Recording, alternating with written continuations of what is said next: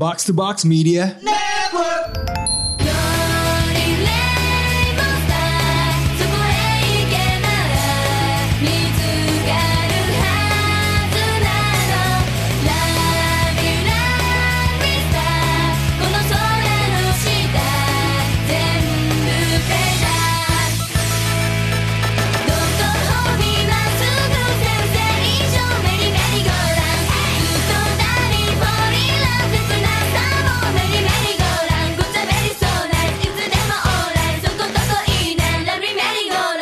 ラン」Hikuro Kuzo, Kembali lagi ke Ikuro segmen Lepas Otaku Box bersama gua Bung Randan Bung Ros. Yang ngebahas apa?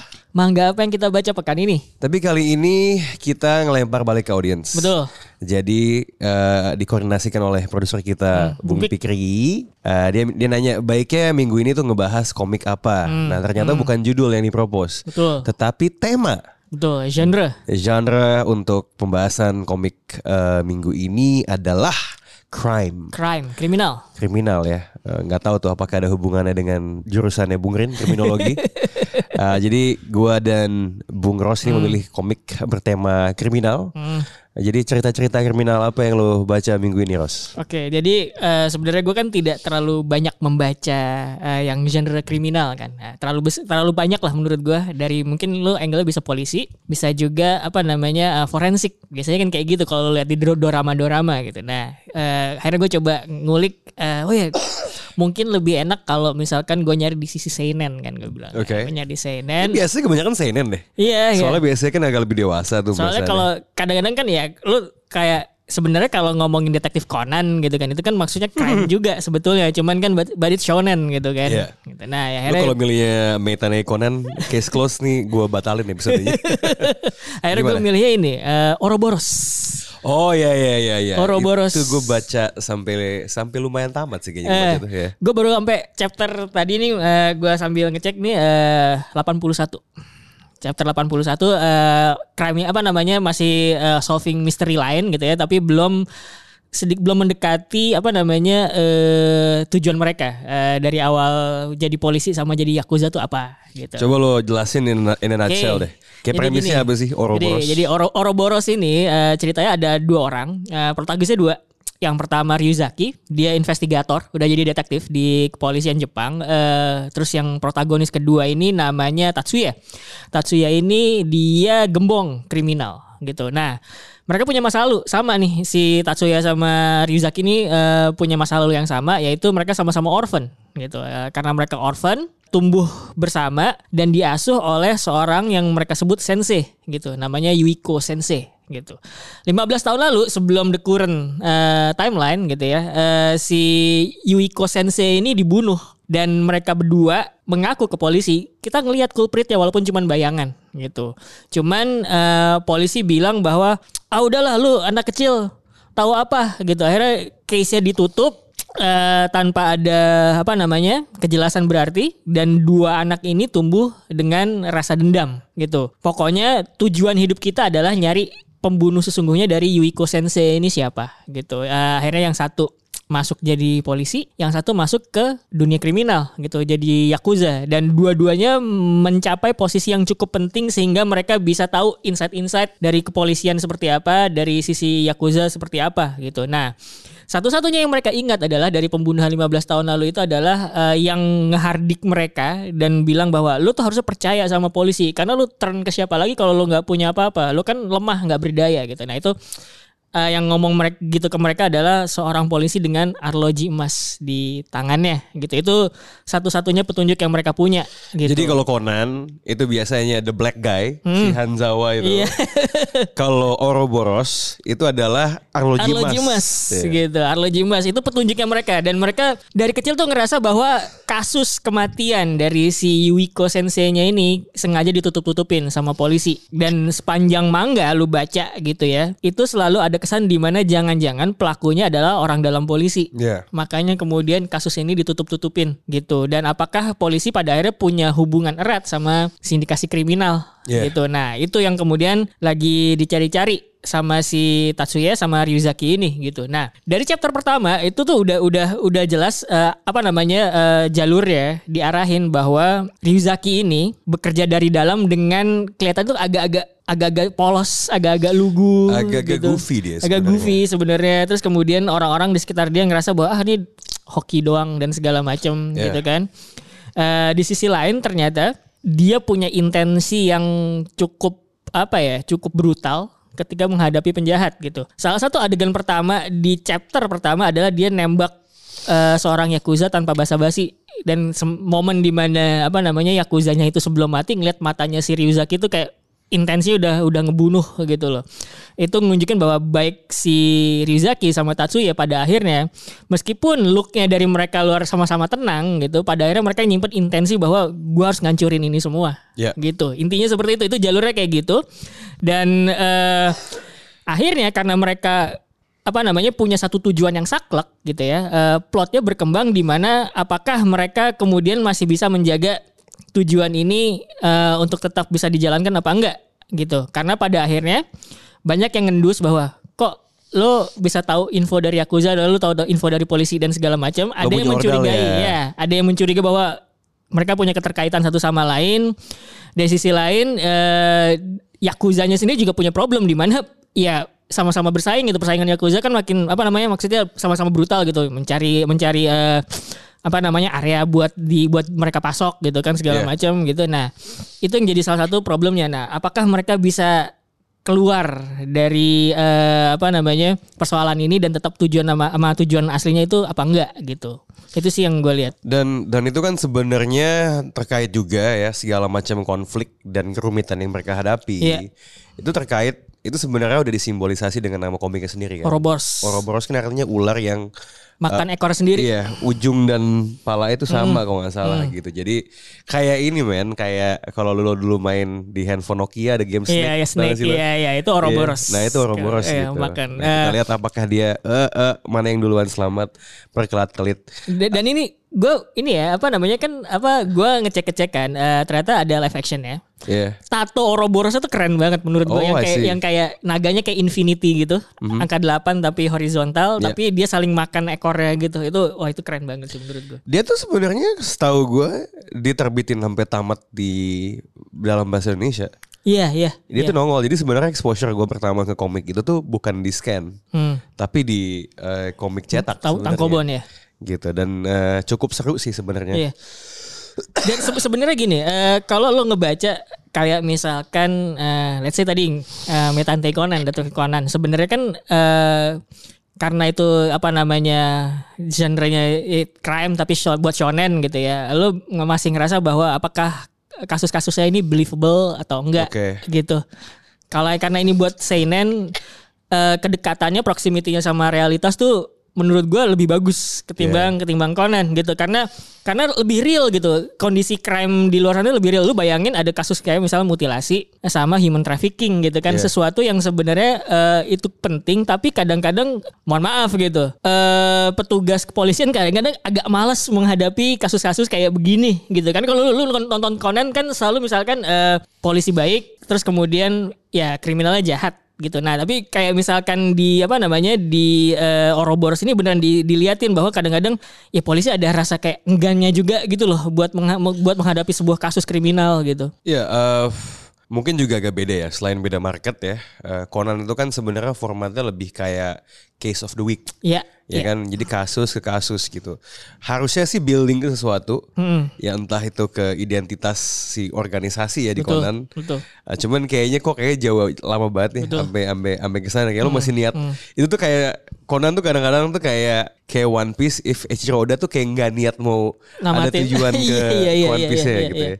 Nah itu yang sebenarnya bikin eh, komik ini si Ouroboros tuh work sebagai bukan cuma genre seinen atau crime ya, tapi as a mystery Iya. and as a thriller sebenarnya Iya. karena ada sesuatu yang bikin kita penasaran nih dan menurut gua sih sampai akhir gua nggak terlalu merasakan terkadang komik yang misteri yang ada satu istilahnya tuh me- eh, kalau eh, dalam penulisan film tuh MacGuffin. Jadi Iya. sesuatu Indiana Jones tuh selalu punya MacGuffin apa Hmm, yang apa yang mau dicari di akhir tuh. Nah, gua terkadang tuh komik yang eh kurang itu Mac, berasa MacGuffin itu agak dipanjang-panjangin. Ya. Dengan segala hormat bagi gue 20 Century Boys tuh McGuffin-nya agak dipanjang-panjangin Agak, iya, iya, gitu. iya, iya. Nah menurut gue si Ouroboros tuh enggak gitu. Lo tetap cukup eh, adrenalin lo tuh tetap terjaga, Terjaga. buat tahu untuk mengusut sebenarnya kasus ini apa dan mungkin juga karena ada personal stakes-nya juga ya. Iya. Ini melibatkan figur yang sangat penting bagi kedua tokoh utama di Ouroboros yang juga ternyata menjadi figur yang cukup penting nampaknya Iya, konspirasinya dalam kepolisian itu sendiri sih. Satu hal yang gue amati dari komik yang melibatkan Yakuza sama polisi ya, itu biasanya dia menjadi semakin kompleks ketika menggambarkan bagaimana Yakuza tuh punya sisi-sisi manusia yang Betul. kerap kita kaitkan dengan penegak keadilan dan polisi punya sisi-sisi kemanusiaan yang kerap kita kaitkan dengan Yakuza. Betul. Jadi sangat main di gray area lah eh, di antara kepala dan buntut ular itu sih. Ada satu film yang gue suka banget dan itu eh, salah satu film yang paling gue suka all the time gitu ya. Infernal Affairs. Infernal Affairs. Iya. Itu eh, biarpun eh, di remake sama Scorsese, Remake-nya juga bagus ya. bagus The Departed, dapat Oscar segala macam. Cuman gue entah kenapa agak sulit untuk lepas dari eh, apa namanya eh, materi aslinya Infernal Affairs itu sendiri gitu. Karena gue ngerasa bahwa satu selain The Depart Mungkin karena ini ya ada ada ada charm Hong Kong sinemanya juga gitu kan. Andy Lau sama sama Tony Leung tuh menurut gue asik sih. Gue susah ngejelasin apa charming ya dua-duanya gitu. Dan Dua-duanya audio file ya. Audiophile Di dalam gitu. filmnya, eh, tokohnya kan. gila gitu kan. Di Nah, toko audio. dan gue ngerasa bahwa eh, di Infernal Affairs sama di Departed itu lebih apa namanya memperlihatkan sisi manusiawi si polisi sama si eh, kriminalnya itu mereka ketukar kan tempatnya itu kan sama-sama di plan jadi apa namanya jadi mata-mata gitu. Nah itu menurut gue yang kemudian menjadi ya kayak tadi lo bilang gitu bahwa sebenarnya kalau misalkan lu ngelihat eh, sebuah manga atau cerita dari dari crime gitu ya eh, either buat polisi atau tokoh kriminal ya itu emang sisi manusiawinya itu yang enak buat dikulik Iya dan, sebetulnya. dan dan satu hal yang yang mungkin and I don't say this untuk mengecilkan si Ouroboros ya.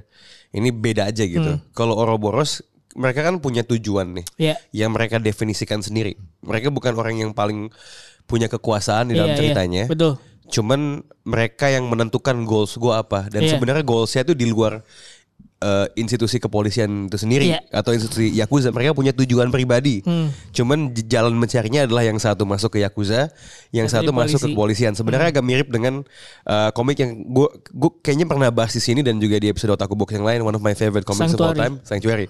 Walaupun kalau yang itu masuknya ke DPR gitu Hmm. Ke ke politik. Nah, cuman yang sebenarnya ini kita ngomongin filmnya sekejap Hmm. ya. Yang sebenarnya bikin si Departed dan Infernal Affairs agak ngenes adalah mereka tidak punya kuasa akan Iya. kapan mereka selesai, tujuannya Iya, iya, apa. iya, iya. Yang eh, menginfiltrasi polisi punya bos, Satu lagi juga. yang menginfiltrasi yakuza punya bos. Hmm. Jadi kayak itu tuh kayak that's like the worst nightmare Iya. in any job. Hmm. Instead of lo punya satu bos toxic, lo punya dua bos toxic tuh lo. kayak lo kayak anjing gue mesti nurut yang mana gitu. Iya, iya. Ujung-ujungnya lo nggak bisa memanage diri lo sendiri karena lo nge-manage ambisi yang conflicting dari bos lo yang Betul. satu dengan yang lain gitu. Sebenarnya yang menarik dari Infernal Affairs sama si Ouroboros ini adalah filosofi yang meng, apa namanya mewadahi kedua cerita gitu. Iya. Kalau Ouroboros kan kayak misalkan eh, polisi atau kebaikan dan kejahatan itu saling memakan kan. Iya. Dianggapnya makanya kemudian kayak naga memakan ekornya sendiri gitu Iya. kan, saling berkaitan gitu kan. Sementara Infernal Affairs itu kan sebenarnya kayak ketok lebih ke, ke tokohnya Andy Lau sama si Tony Long itu. Mhm. Mereka itu kan kayak berada di dalam eter- eternal hell-nya Buddha gitu loh. Sebuah kesengsaraan yang tidak habis-habis gitu. Karena yang satu gue polisi, masa gue gebukin apa namanya eh, berbuat kriminal terus sementara yang satu dia kriminal tapi jadi polisi. Dan pada akhirnya pengen menghapus masa lalu sebagai kriminal dan pengen jadi polisi yang baik. Cuman masa lalunya ngejar terus. Nah itu apa namanya eternal hell yang mereka hadapin masing-masing gitu. Jadi gua ngerasa bahwa baik eh, sama-sama cerita ini tuh kayak punya basis filosofi yang menarik gitu. Loh jadi kalau misalkan lu mau ngembangin ke sisi manusianya lebih enak gitu sebetulnya. Ngomong-ngomong soal hell, hmm. komik yang gue baca minggu ini juga ada judul Hell Hmm. di namanya. Eh, komik yang gue baca itu sebenarnya adalah adaptasi sebuah buku dan sebenarnya su- ternyata sudah menjadi sebuah film yang juga naik di Netflix. namanya Hell Dogs. Oh, oke oke. Eh, temanya juga mirip ya. Kayaknya hampir- kayak kayaknya kalau misalnya nyari tema crime di komik Jepang itu udah hampir pasti berhubungan sama yakuza. Iya iya. Ya, yakuza dan pasti kalau ada yakuza di komiknya pasti ada polisi. Hmm, hmm. The, the, the only other apa ya subgenres yang sempet gue sempet mikir-mikir tuh adalah apakah tadi apakah gue mau ngomongin soal si Black Swindler misalnya penipuan tapi tapi kayaknya agak panjang jadi gue memilih Hell Dogs karena dia walaupun scannya belum lengkap itu dia cuma kayak 20 30 chapter. Mungkin karena emang dari buku ya. Jadi emang cuman kayak satu gitu. Iya iya. Bukan yang panjang apa gimana. So Hell Dogs juga sama nih. Temanya berhubungan dengan infiltrasi polisi ke Yakuza. Hmm. Jadi premisnya adalah eh ada seorang eh, anggota Yakuza namanya Kanetaka. Kuat banget ya. Jago ngebunuh orang. Em, sering digunakan oleh grup Yakuza yang paling top di Kansa eh di Kanto di Iya. Kanto untuk eh, untuk ngebunuh jadi hitman. Em, dia sangat diandalkan karena kemampuan membunuh dia naiknya cukup cepat.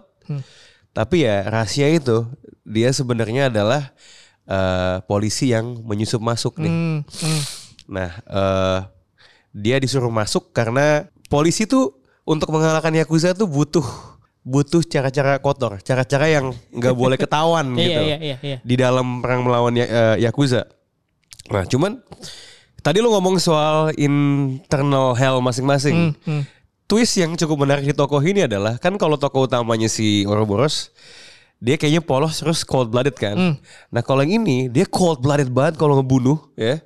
Tapi begitu udah selesai membunuh dia muntah. dia dia sebenarnya bener-bener ada Iya, iya, sisi iya, yang iya, dia tuh iya, gak iya. kuat. Cuman Betul, dia betul. mesti memasang topeng the whole time gitu. Iya. Nah dia naik di dalam jajaran Yakuza tentu bosnya seneng and then uh, bosnya ngasih dia tugas untuk membunuh kepala dari yak- organ- organisasi Yakuza dia. The twist adalah kenapa orang ini nggak bisa dibunuh dan ditangkap sama polisi karena orang ini sebenarnya adalah polisi yang menyusup bosnya. Cuma dia abis jadi dia operasi plastik dia segala. Cuman Iya, nah, iya. cuman setelah dia masuk ke Yakuza, oke dia malah membuang masa lalu Hmm. polisinya. Kalau misalnya polisi yang ngebunuh yang normal bakal ketahuan kalau iya, iya, iya. selama ini bos organisasi ini adalah Polisi. dan itu akan merusak nama baik si polisi gitu. Jadi konflik itu yang yang yang nge-push cerita komik eh, Hell Dogs ini.